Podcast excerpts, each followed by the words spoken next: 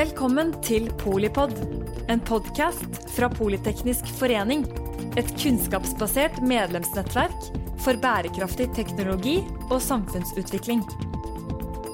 Først og fremst eh, velkommen hit, og hyggelig å se så mange som har funnet veien hit i uh, Oslo-mørket. Det er et veldig betimelig og veldig interessant spørsmål som er satt på uh, agendaen i dag. Et spørsmål som har blitt diskutert med stadig økende grad siden uh, ja, 2016-2017 i alle fall, og i litt mer engere kretser også en god del før det. Um, jeg skal ikke bruke så veldig mye tid innledningsvis. Det er to andre dyktige kollegaer her som skal gi dere litt ulik perspektiv på fenomenet. Men jeg skal bare begynne med å si at uh, hvis man gikk inn på Facebook-sida, så så man at det er lagt ut en artikkel som heter 'Påvirksoperasjoner forsterkende og splittende mekanismer', som er et dokument fra, fra utsyn. Og Der blir det gjort et poeng av at verken EU eller Nato har en veldig klar eller i minste fall en enhetlig definisjon av hybride operasjoner eller hybride virkemidler. Det er en sannhet med modifikasjoner. Jeg tror at vi etter hvert har blitt ganske klar over hva en hybrid operasjon er for noe. Utfordringa vår er veldig ofte å finne ut om den faktisk pågår eller ikke. Om de elementene vi ser som er i spill kan settes sammen eller er tilfeldigheter. Om vi er i stand til å fange opp disse tingene på f.eks. regionalt nivå. Eller om det er sektormyndigheter som ikke helt ser sin rolle i dette. Og jeg tenker at Det kan også være interessant å kaste lys på i, eh, i løpet av den tida vi har til, til rådighet. Um, for, det vi, Forutsetninga og litt av intensjonen i dag er at vi skal trekke diskusjonen hjem til Norge. Men før vi kommer så langt, så skal vi en tur innom Afghanistan i den første innledninga, som tar en, mellom 10 og 15 minutter. Deretter så skal vi eh, se litt på to av de aktørene som er av mest interesse for Norge og Vesten, nemlig Russland og Kina. Før vi da har en, en diskusjon, eh, oss tre her oppe, om hvordan dette vil eh, kunne spille seg ut knytta til norske forhold. Etter hver eh, innledning vil det også bli anledning til å stille et par spørsmål. Og vi vil også ha en spørsmålsrunde helt til slutt, slik at dere får komme med innspill eh, som dere må ha etter hvert. Så kan det jo være greit, da. Jeg satt og forberedte meg litt i går. og Minn på at mange av de som er i dette rommet, uh, har på en eller annen måte opplevd den kalde krigen på kroppen. Uh, psykologisk krigføring, påvirkning av befolkninga. Alt dette var ting man faktisk forholdt seg til på ja, i den grad man kan si normal, så på en normal måte på den tida. Men siden murens fall, siden 89-91 og frem til i dag, så har vi nesten en og en halv generasjon som ikke har den samme kunnskapen og kjennskapen til at dette egentlig er business as usual, og dette er måten stormakter og aktører egentlig spiller kortene sine for å påvirke. Og jeg tenker at Det også er en svakhet uh, som vestlige demokratier har i dag. Vi har noen som ser på dette som abnormalt, når det egentlig er det som har vært normalen, dessverre, altfor lenge. Og uh, For å avslutte så kan jeg jo si da at i disse dager så er nok svenske myndigheter ganske nært å reetablere sin egen myndighet for psykologisk forsvar noe som er et tankekors. Uh, og også interessant med, med henvisning til at befolkninga som sådan og den tilliten den har til myndighetene, uh, i siste instans er alfa og omega på hvor god gjennomslag myndighetene får i denne type hendelser. Da har jeg snakka mer enn nok, og da ønsker jeg å invitere opp Marit Rye Ramberg hun ble allerede introdusert, men hun er utdannet journalist fra City University i London. Mastergrad i sovjetisk og russisk utenrikspolitikk fra London School of Economics. Har vært soldat i FN-operasjonen i Tsjad og Nato-operasjonen i Afghanistan. Jobba som redaktør i Atlanterhavskomiteen, forsker ved FFI og gjesteforsker ved Universitetet i Lund i Sverige. Hun jobber til daglig i planavdelinga for hærstaben. Marit, vær så god. Eh, takk for det, Ørjan. Eh, jeg skal da snakke om eh, Afghanistan som en case, og for å prøve å belyse litt om hvordan vi drev påvirkningsoperasjoner der. Det er en del paralleller til, det som foregår i Norge, og de kommer til å komme tror jeg, veldig synlig på plass når vi har diskusjon etterpå. Og selv om jeg har en master av sovjetisk og russisk utenrikspolitikk, så er Geir Hågen Karlsen ekspert på det, så jeg har tenkt å holde meg langt unna det. I den grad jeg klarer det. Det er mulig at det skeier litt ut når vi begynner å snakke om det etter hvert. Um, det her er en quote av David Culcullen som, som, vi har brukt ganske mye når vi snakker om strategisk påvirkning. Uh, noe av de utfordringene vi møter, og har møtt veldig ofte når vi var særlig i Afghanistan, er at man legger opp en militær operasjon til å handle om det rent klassiske militære. Man designer selve operasjonen, og så tenker man åh, og så kanskje vi trenger litt sånn, sånn Hva gjør dette med befolkninga, eller hva skal vi si til befolkninga om dette? Så istedenfor at det blir en, altså, bakt inn som en del av en operasjon fra starten av, så er det litt at man bare drysser på det som en litt sånn ekstra gull, gull på toppen for å få det til å se bra ut. Det er mitt, et av mine hovedpoeng. Det er et problem. Det er også et problem mener jeg, i norsk eh, tankesett at vi tar ikke dette på det alvoret. Det må være en del av en operasjonslinje, på samme måte som om du har en skytter på en CV90 eller hva det nå er. Du må være en integrert del av alle operasjoner for at det skal være vellykka. Der er vi ikke, eh, men jeg tror vi er på riktig vei. Det er jo konklusjonen. Ehm, bare for å gi dere en kort forklaring på hva det var jeg gjorde. Det er da meg, en litt annen situasjon. To, før to barn. Jeg hadde aldri i livet gjort det der igjen. Jeg jeg jobba som media director i Nord-Afghanistan. Det vil si at vi hadde ansvaret for hele nord, altså opp mot grensa mot Pakistan. Jeg hadde ansvaret for tre seksjoner, både print, radio og TV. Det, var, det, unike med det var at vi jobba sammen med afghanere, afghanske journalister. Det var ikke ufarlig for dem å jobbe for Nato. Hun ene kollegaen min, vi var, ja, var jo ikke mange, men, og det var åtte damer, hun ene ble da myrda på soverommet sitt eh, av da ja, opprørere, vi vet jo ikke helt hva det var, pga. jobben hun gjorde for oss. Så dette var mennesker, afghanere, som ofra livet sitt rett og slett for å bidra i Nato-sammenheng. Eh, det bildet dere ser med masse papir som Eh, flyr ut, er sånne altså leaflets, jeg skal vise del etterpå, som vi rett og slett droppa over byer der vi ønsker å påvirke det. Det kan virke veldig gammeldags som å sitte i Norge med Facebook og Twitter og alt det vi har her. Nå må vi huske på at vi var veldig ofte på den ytterste landsbygd i Afghanistan. Her var det ikke internett. Eh, det har nok skjedd mye siden jeg var i 2012, eh, så det er mulig at det opereres annerledes nå. Men når vi var der, så var det veldig mange steder som ikke hadde noe tilgang til, nett eller noen andre mulige påvirkningskanaler fra vår del. Derfor så ble da sånne her eh, papirlapper rett og slett en måte å drive en operasjon på. Så dere har det som en bakgrunn. Her er noen av de papir, eller de, de, produktene vi lager. Dette er alle produkter laga sammen med afghanere. Eh, det er mange ting som ikke er tilfeldig, bl.a. fargene, som er det afghanske flagget, for å appellere til nasjonalfølelse. Eh, det er også eh, Avsender står veldig klart 'produced by ISAF», for det skal være en troverdig avsender i alt det vi gjorde. Det jeg ønsker å gjøre, og så gi dere et eksempel på en operasjon. Nå er jeg så moderne at jeg har notatene mine på mobilen min. Um, en operasjon som faktisk funka. Jeg skal forklare hvorfor den funka når det gjelder påvirkning. Uh, han karen som dere ser helt til venstre her, het Samshodin. Han var en opprørsleder helt opp i, i Nord-Afghanistan uh, mot uh, Pakistan. han hadde gjort mye som ikke var bra. Han hadde bl.a. Uh, ja, jobba hardt mot det afghanske politiet, militæret. Han hadde på det tidspunktet når vi satte i gang kampanjen her, barrikadert seg inn i en liten landsby og lagt miner rundt det hele, så du kom verken inn eller ut. Landskapet her rent fysisk er fjell, så du kommer liksom ikke til på en ordentlig måte med noen tunge stridskrefter. Så hvordan da påvirker man Eh, de som er i landsbyen, som var vår hovedmålgruppe, til å forstå at han er en fæl fyr, og at vi er dem som skal hjelpe dere fra det her. Dette var ett forsøk på det. Um, jeg ble sendt opp da sammen med amerikanske, eh, ja, tre amerikanske Black Hawk-helikopter for å fly lavt over og så droppe en del av de her uh, over den landsbyen. Det var også ikke helt ufarlig, men som norsk så har vi ikke noe Uh, altså begrensninger egentlig hva du har lov til å gjøre. Tyskerne har ganske strenge begrensninger. Det var en tysk avdeling. Så som norsk så ble jeg uh, populær i å sende ut på sånne ting som det her, da, for det var lov fra norsk perspektiv. Det gjorde vi. Vi fikk lagt ut dem her. Etter mye om og men uh, så klarte klart Nato å ta.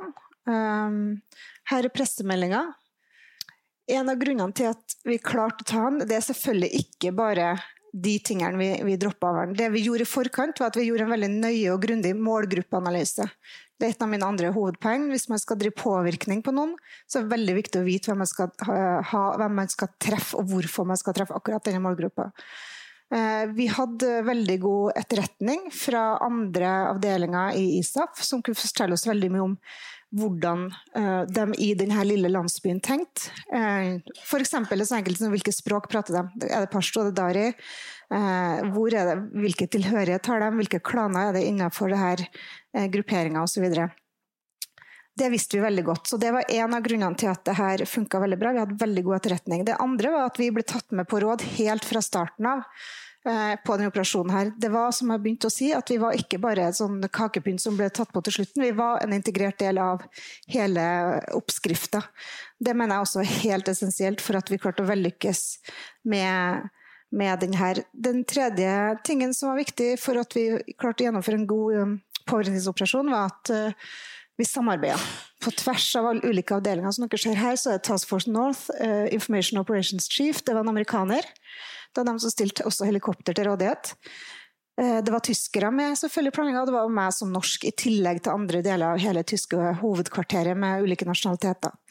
Det er en god måte å drive en påvirkningsoperasjon på. Samarbeid. Det gjelder også kanskje her i Norge, men kanskje det kanskje rundt departementet osv. Så, um, så det her var en suksess. Dette eh, var ikke en suksess. Jeg ønsker dere et eksempel på det, og hvordan det, man ikke skal drive påvirkningsoperasjoner. Og hva som eh, kan gå gærent. Dette var et område som het Faistabad. Um, det som skjedde i Afghanistan veldig, veldig mange steder i Afghanistan i 2012, var at man skal overgi ansvaret fra ISAF til å gå til nasjonale politiet og nasjonale uh, hæren.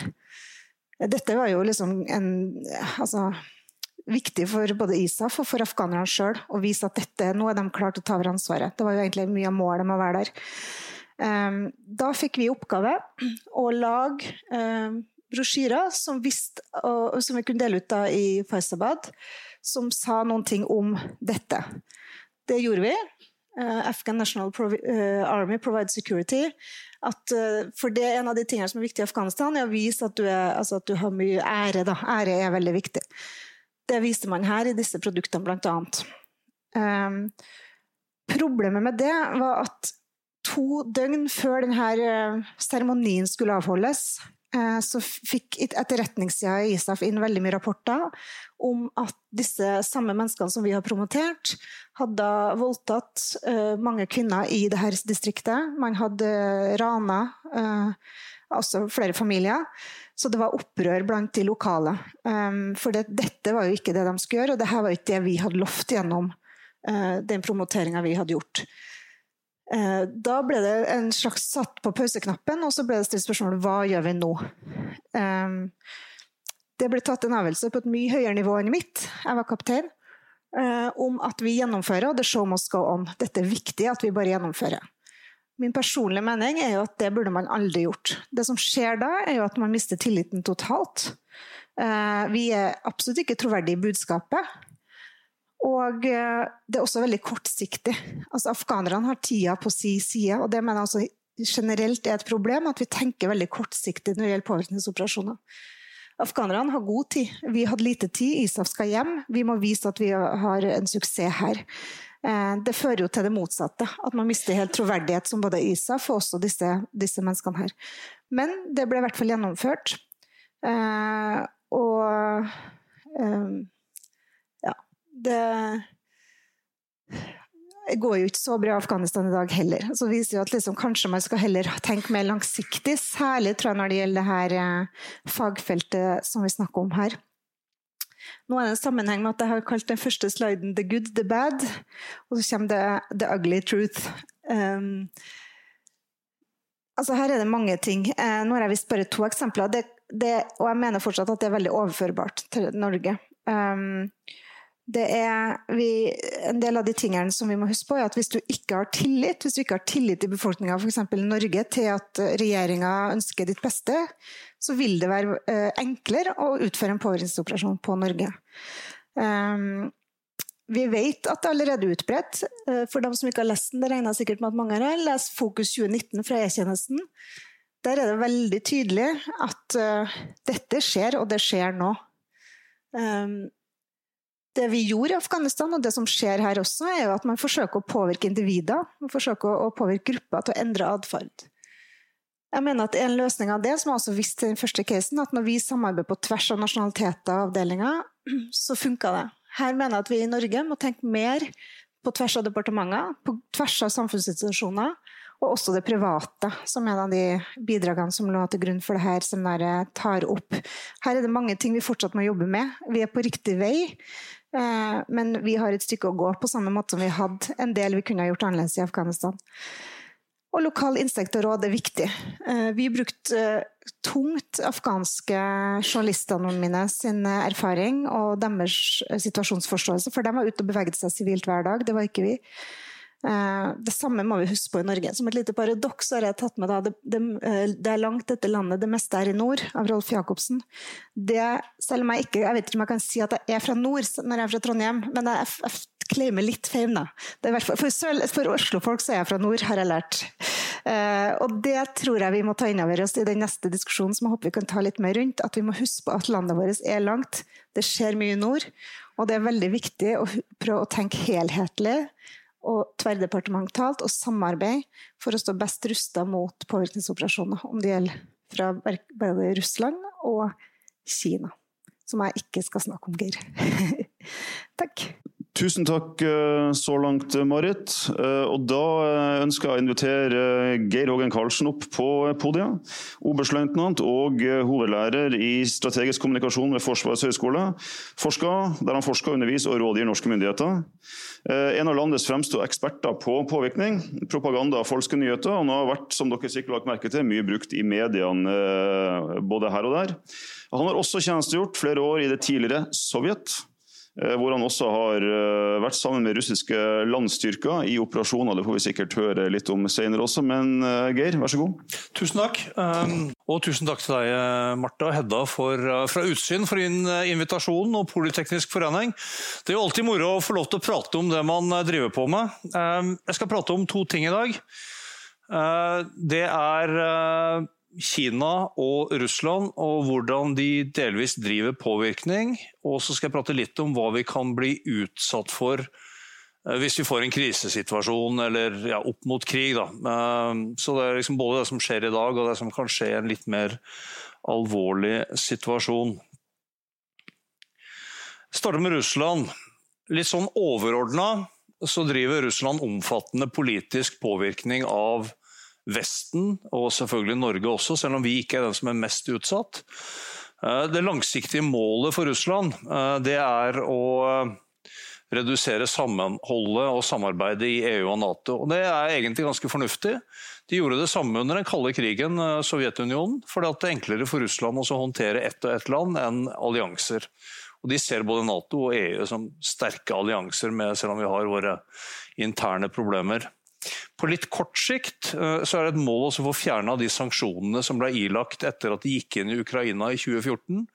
Og De har jo blitt stramma inn gjentatte ganger etterpå, senest nå i høst. Så det, det rammer jo det. De er i hvert fall forsøkt å ramme lederskap og de viktige industriene, sånn som finans, energi, eh, våpen og high-end eh, high-tech. Eh, så det, det, det, er et mål. Metoden er ganske enkel. Splitt og hersk. Prøve å forsterke enhver uenighet, enhver konflikt som er enten internt i land eller mellom landene og internt i alliansene. Det så vi veldig godt på valget i USA, hvor de gjorde alt de kunne for å forsterke egentlig tre grupper. Ytre venstresida, ytre høyresida og uh, svarte. Uh, og alle de konfliktene som lå mellom disse. Det er veldig godt dokumentert, jeg forska mye på det. Så, det, finnes, det, det, er ingen valg hvor vi har mer dokumentasjon på russisk påvirkning enn det amerikanske. Det spekuleres både på brexit og Catalonia, Spania osv., men uh, det, det gjenstår litt med å se dokumentasjonen som i hvert fall er offentlig tilgjengelig. Så har de spesielle saker for hvert enkelt land. I forhold til Norge så er det klart at eh, nordområdene Svalbard er viktig. Eh, vi konkurrerer med Russland på gassalg til Europa, så de eh, utfordrer oss der. Og så, som dere selvfølgelig har sett utall ganger, eh, de er kritisk til alliert og særlig, og særlig amerikansk tilstedeværelse, øvingsaktivitet i Norge. Det har vi sett hver eneste større øvelse eller hver gang vi har gjort noe i Finnmark osv. Så, videre. så har de reagert med forskjellige typer styrkedemonstrasjoner, jamming med GPS, av GPS osv. Når det gjelder Sverige og Finland, så er de spesielt bekymra for Nato-tilnærming. Bare et helt sånn enkelt eksempel. Finnene inngikk en sånn en sånn administrativ avtale med amerikanere rundt grensepassering og toll og sånne tekniske ting for å øve sammen. Etter at den var signert, så gikk det bare noen få timer før russiske fly eh, krenka finsk eh, luftrom. Så Det er sånn styrkedemonstrasjon for å vise hva de egentlig mener. Så vil jeg være litt forsiktig. Det er en del folk som prater om at vi har en hybridkrig eller propagandakrig eller noe lignende. Etter min mening så er det helt urimelig å Eh, si at vi på noen måte har noe krig med Russland. Det tenker jeg blir helt ut av proporsjoner. Og så vet jeg at det er en del andre som er uenige med meg. Hvis du drar til Baltikum f.eks., så vil du finne både utenriksministre og statsministre som sier det. Britiske forsvarssjefen uttalte, eller omtalte den russiske aktiviteten her for noen få dager siden som 'authoritarian political warfare'. Så det er en del som bruker kraftigere begreper. Men jeg tror vi er best tjent med å være litt avmålt i som jeg har sagt på en del Nato-konferanser hvis vi er i krig med Russland, hva i alle dager er det vi da gjør her? ikke sant? Da skulle vi vært helt andre steder. Så, men det så. så skal man se litt på, selv om aktiviteten er stor, så er det ikke nødvendigvis sånn at effekten av det det gjør, er stor. Hvis du ser på effekten i Europa og Nato nå, så jo, har vi aldri hengt mer sammen i Nato. Eh, vi har aldri brukt mer penger enn det vi gjør nå. Eller pengebruken er i hvert fall kraftig på vei opp. Det har tatt noen år, men det går oppover. Amerikanerne er mye mer til stede militært i Europa nå enn de var for noen få år siden. Så det er litt sånn vanskelig å si sånn overordnet at dette her er noe stor suksess for Russland. For de som vil vite mer, så kan dere google Carlsen og 'Divide and Rule', så ligger en uh, artikkel jeg har skrevet om akkurat det her på, på, nettet. Den er open access, så der går jeg i detalj på det, det jeg prater om nå. og det jeg skal si her, som et forsøk på å gi en oversikt over de russiske virkemidlene. Eh, hvis vi tenker eh, fra deres venstre side at russerne har noen politiske målsetninger, det som jeg sa i sted, splitt og hersk, påvirke og så har det en eller annen effekt her hjemme i våre land. Eh, og så har de de virkemidlene som står nedover på midten der. Eh, jeg skal ikke gå i detaljer på alle sammen, da kunne vi jo på sett og vis skrive bok om hver enkelt av dem, men dere får stille spørsmål om de dere er spesielt interessert i etterpå. Men sånn atomvåpen, det ser vi jo stadig. de Eh, Putin er ute og demonstrerer, omtaler de siste nye hypersoniske missilene, atomtorpedoene, så vi kan liksom vaske bort vestkysten av USA med sånn undervannsatomeksplosjoner osv. Det er en type styrkedemonstrasjon. Og Det er selvfølgelig også retta innad i Russland, fordi at russerne er stolt av å være sterke og, og eh, en mektig nasjon. Militære virkemidler vi har sett de store øvelsene utenfor kysten av Norge. Jamming av GPS i Finnmark. Eh, de her flygingene som de har hatt inn mot radaren i Vardø og en del andre norske aktiviteter. Hvor de, hvor, de, flyr inn sånne angrepsformasjoner, og så bryter de av rett før de kommer til territorialgrensa. Så vi, de ser jo disse reaksjonene stadig vekk. Uh, vi hadde en øvelse Viking i Finnmark. Da tror jeg vi var ca. 5000 norske og allierte i 2016. var det vel. Hva gjorde russerne? Jo, de kjørte en alarmøvelse med 40 000 mann. Så det, det, det, er jo stadig styrkedemonstrasjoner. Det er jo en form for påvirkning. det også, Du bruker militærmakt. Eh, diplomati. Eh, vi ser jo sånne uttalelser enten fra ambassadøren her, fra utenriksminister Lavrov eller eh, pressetalskvinnen i i Utenriksdepartementet om at liksom, norske grenser settes i fare, vi må påregne reaksjoner. Litt sånn, eh, litt sånn uspesifisert, men ganske tydelig språk allikevel. Dette er jo egentlig det jeg jobber med sånn til aller mest til daglig, med informasjon. Eh, medier, falske nyheter, påvirkning via medier, påvirkning via sosiale medier, som var stort i særlig valget i USA. Økonomi. Det er godt kjent at de har skrudd av og på gassforsyninga til Europa et utall ganger. Det er et politisk virkemiddel. Uh, drar du til Finland, så har de uh, atomkraftverk fra, fra, Russland, og de tar all gassen sin fra Russland, så det er klart at de blir utsatt for, for press, kan, eller kan bli utsatt for press i en krisesituasjon. Cyber Hvis du leser uh, rapportene til E-tjenesten, Politiets sikkerhetstjeneste og tilsvarende tjenester i resten av Vesten, så vil alle påpeke cybertrusselen som det, liksom det største og det mest pågående til enhver tid. Um, den har flere komponenter. Den ene er etterretning. altså Man hacker seg inn for å stjele informasjon. Uh, den andre er uh, påvirkning. altså F.eks. Uh, disse sosiale medieaktivitetene i valget i USA. Så krever det en masse cyberaktivitet for å lage falske konti. Falske identiteter, falske identiteter som du da får kredittkort og betalingsmuligheter. Eh, russisk etterretning har til og med drevet eh, sånn mining av bitcoins for å finansiere og skjule aktivitetene sine i utlandet. Så det er ganske komplekse saker. Eh, og det siste er selvfølgelig såkalt cybersabotasje. Eh, satt her med en fra NVE. Det kraftnettet vårt er jo typisk sånn viktig mål for cyberangrep i en krise. Telenettet er kanskje det aller viktigste. Uh, overførings... Av gass, eh, eller gassledningene til Europa er jo åpenbart et viktig mål. Det vil både ta gassen i Europa, det vil ødelegge norsk økonomi og hvis det skulle bli angrepet i en krise. Så det er en del av disse infrastrukturtingene er jo helt avgjørende. Eh, jeg hadde gleden av å jobbe litt sammen med eh, Direktoratet for samfunnssikkerhet og beredskap, hvor Ørjan kommer fra. De har jo kjørt en mengde studier på dette. her. En, god del av det ligger jo åpent på nett, noe av det er gradert. men men ja, man har jo sett på hva, hva med angrep på helsevesenet. Eh, hvis du saboterer medisinforsyning, så vil du få kritiske situasjoner i løpet av få dager når folk går tom for medisin. Så det er en mengde områder som egentlig kan angripes.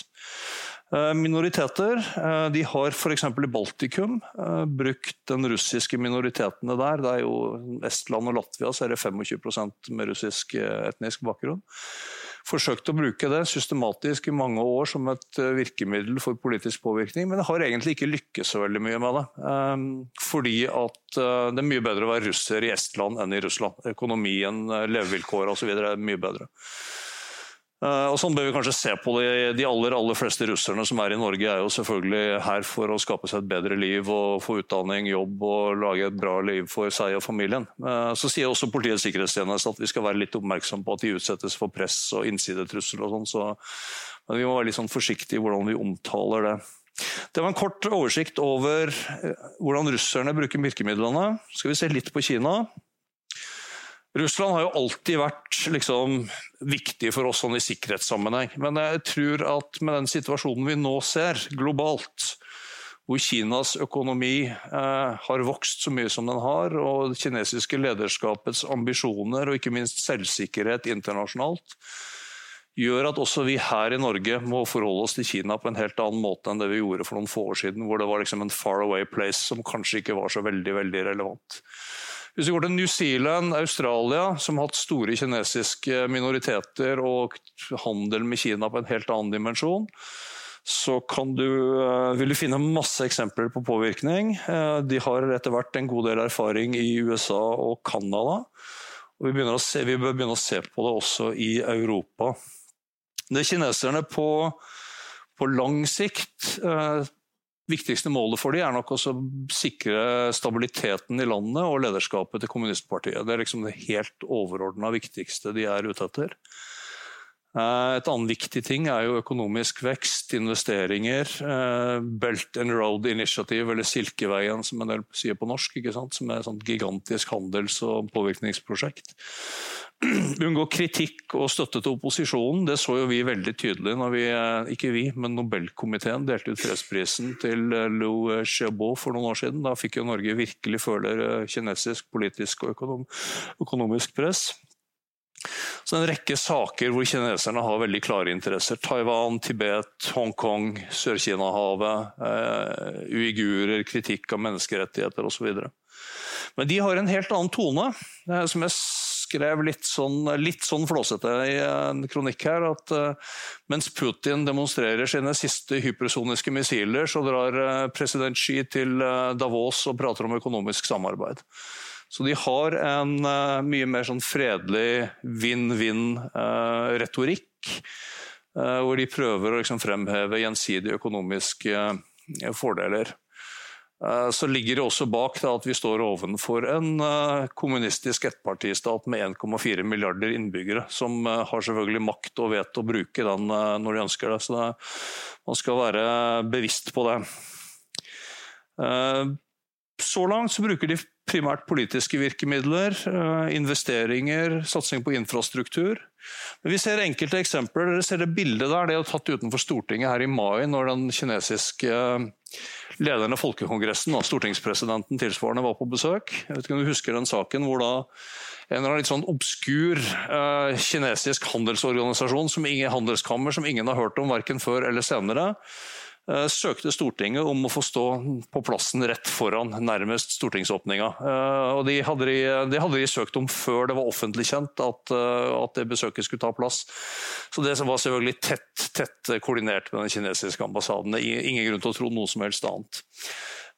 Så Sånn så det ut. Der sto da de kinesiske kinesere i Norge og folk som sympatiserer med de, som var mobilisert for å gi det riktige bildet til lederen for Folkekongressen som kommer her. Og så står da uigurer og norske menneskerettighetsorganisasjoner som vil være kritiske, langt bak der og er lite synlige fra, fra her. Så det, det, viser jo Det viser litt um, skal komme litt tilbake til det.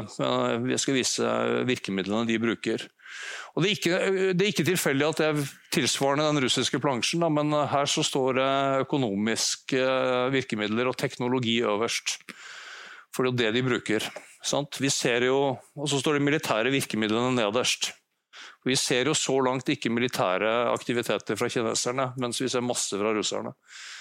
Eh, men det er klart, eh, kinesiske, kinesiske investeringer de har enormt mye mer penger enn russerne. Men de kan gjøre sånn som russerne, at de kan bruke investeringer som politisk virkemiddel. Vi kan jo tenke oss f.eks. at de investerer i havner og infrastruktur i Norge. Kirkenes-Narvik er i hvert fall to alternativer som har eh, vært nevnt. Eh, hvor de har vært på besøk og det har vært diskutert. Eh, og Så kan de da skru av og på handelsstrømmene og ta den økonomiske belastningen fordi de bruker det som politisk virkemiddel. Det har vi sett russerne gjøre i Baltikum. De har f.eks. flytta transitthandel fra havner i, i, Latvia til uh, russiske havner. Og selvfølgelig da skapt økonomiske problemer og arbeidsledighet osv. lokalt. Så med store investeringer så får du for det første interessenter. Sant, som er veldig interessert i å fortsette samarbeidet, kanskje på bekostning av andre forhold som er viktige for Norge som nasjon. Og potensielt også klienter over tid. Så det er ikke helt uproblematisk med store investeringer fra sterke nasjoner som bruker det til mer enn bare økonomisk eh, utvikling. Teknologi, den store saken her er jo selvfølgelig det fremtidige 5G-nettet. Det har vel vært eh, grundig debattert i mediene. Eh, absolutt alt vil jo i fremtiden gå via det nye mobilnettet, 5G-nettet. Så det er klart at Hvis du har tilgang til det og kan sabotere det, Ehm, så vil det ramme samfunnet på en helt annen måte eh, om 10-20 år enn eh, om vi tar ned mobilnettet nå i dag. Diplomati eh, ja, De bruker ganske tungt diplomati. Det kom en nyhetssak i Berlingske Tidene her for et par dager siden om at kinesiske ambassadøren hadde vært på Færøyene og trua med at de ville kutte handelssamarbeidet hvis de ikke, bygde, ikke bygde 5G-nett med, med Huawei. Et eksempel. Veldig tydelig. Uh, cyber. Jeg var inne på cybersabotasje i sted. Det er ingen tvil om at Kina og Russland er liksom de store aktørene på cybertrusselsiden. Det, det, vet alle som har drevet litt med datasikkerhet. Uh, men det var en litt interessant rapport som kom til den amerikanske kongressen fra amerikansk etterretning i januar. Der skriver de at de mener at russerne kan ta ned kritisk infrastruktur i USA i visse perioder uh, i timer. Angrepe kraftnettet f.eks. Ikke i hele USA, men i enkelte regioner f.eks. Eller telenettet eller noe tilsvarende. Men det som var mer interessant, De sier russerne kan gjøre det i timer, og så sier de at kineserne kan gjøre det i dager og uker. Sant? Ok. Tenk dere hvis strømmen går på Østlandet det noen uker til, da, når det blitt ordentlig kaldt på Innlandet. Og så har strømmen av og på i Hedmark og Oppland nå i januar i uker. Da har, vi, da har DSB et problem, Ørjan.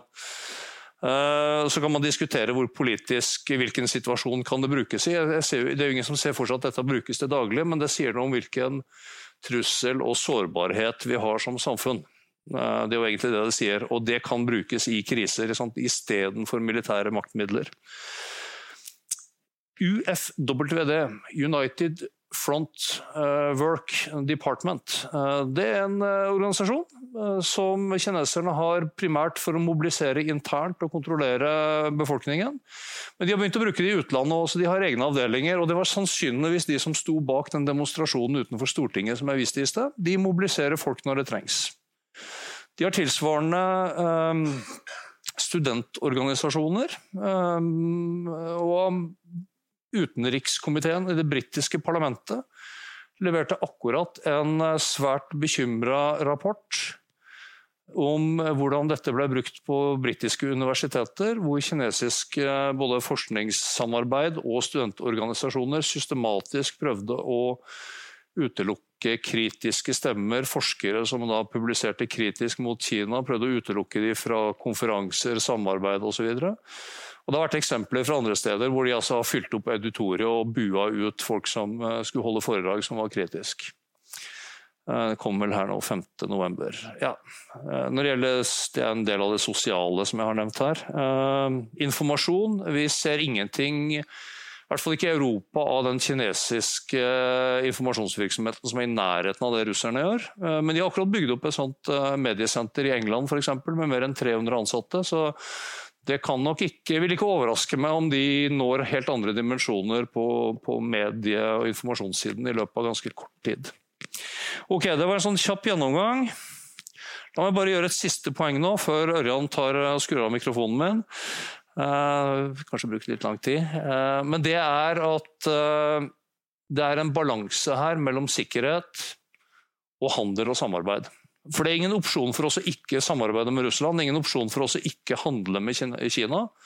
Eh, så vi må bare finne den riktige balansen her. La meg bare nevne det. da. Nå har jeg liksom gått gjennom alle truslene her. Eh, jeg er ikke imot jeg er på ingen måte mot verken Russland eller Kina eller russere eller kinesere. Men vi må bare huske på at eh, det er sterke autoritære land som kan bruke makt på en annen måte enn det demokratiske land gjør. Og det må vi ta hensyn til. Skal vi avslutte med det? Takk for at du lyttet til Polipod fra Politeknisk forening.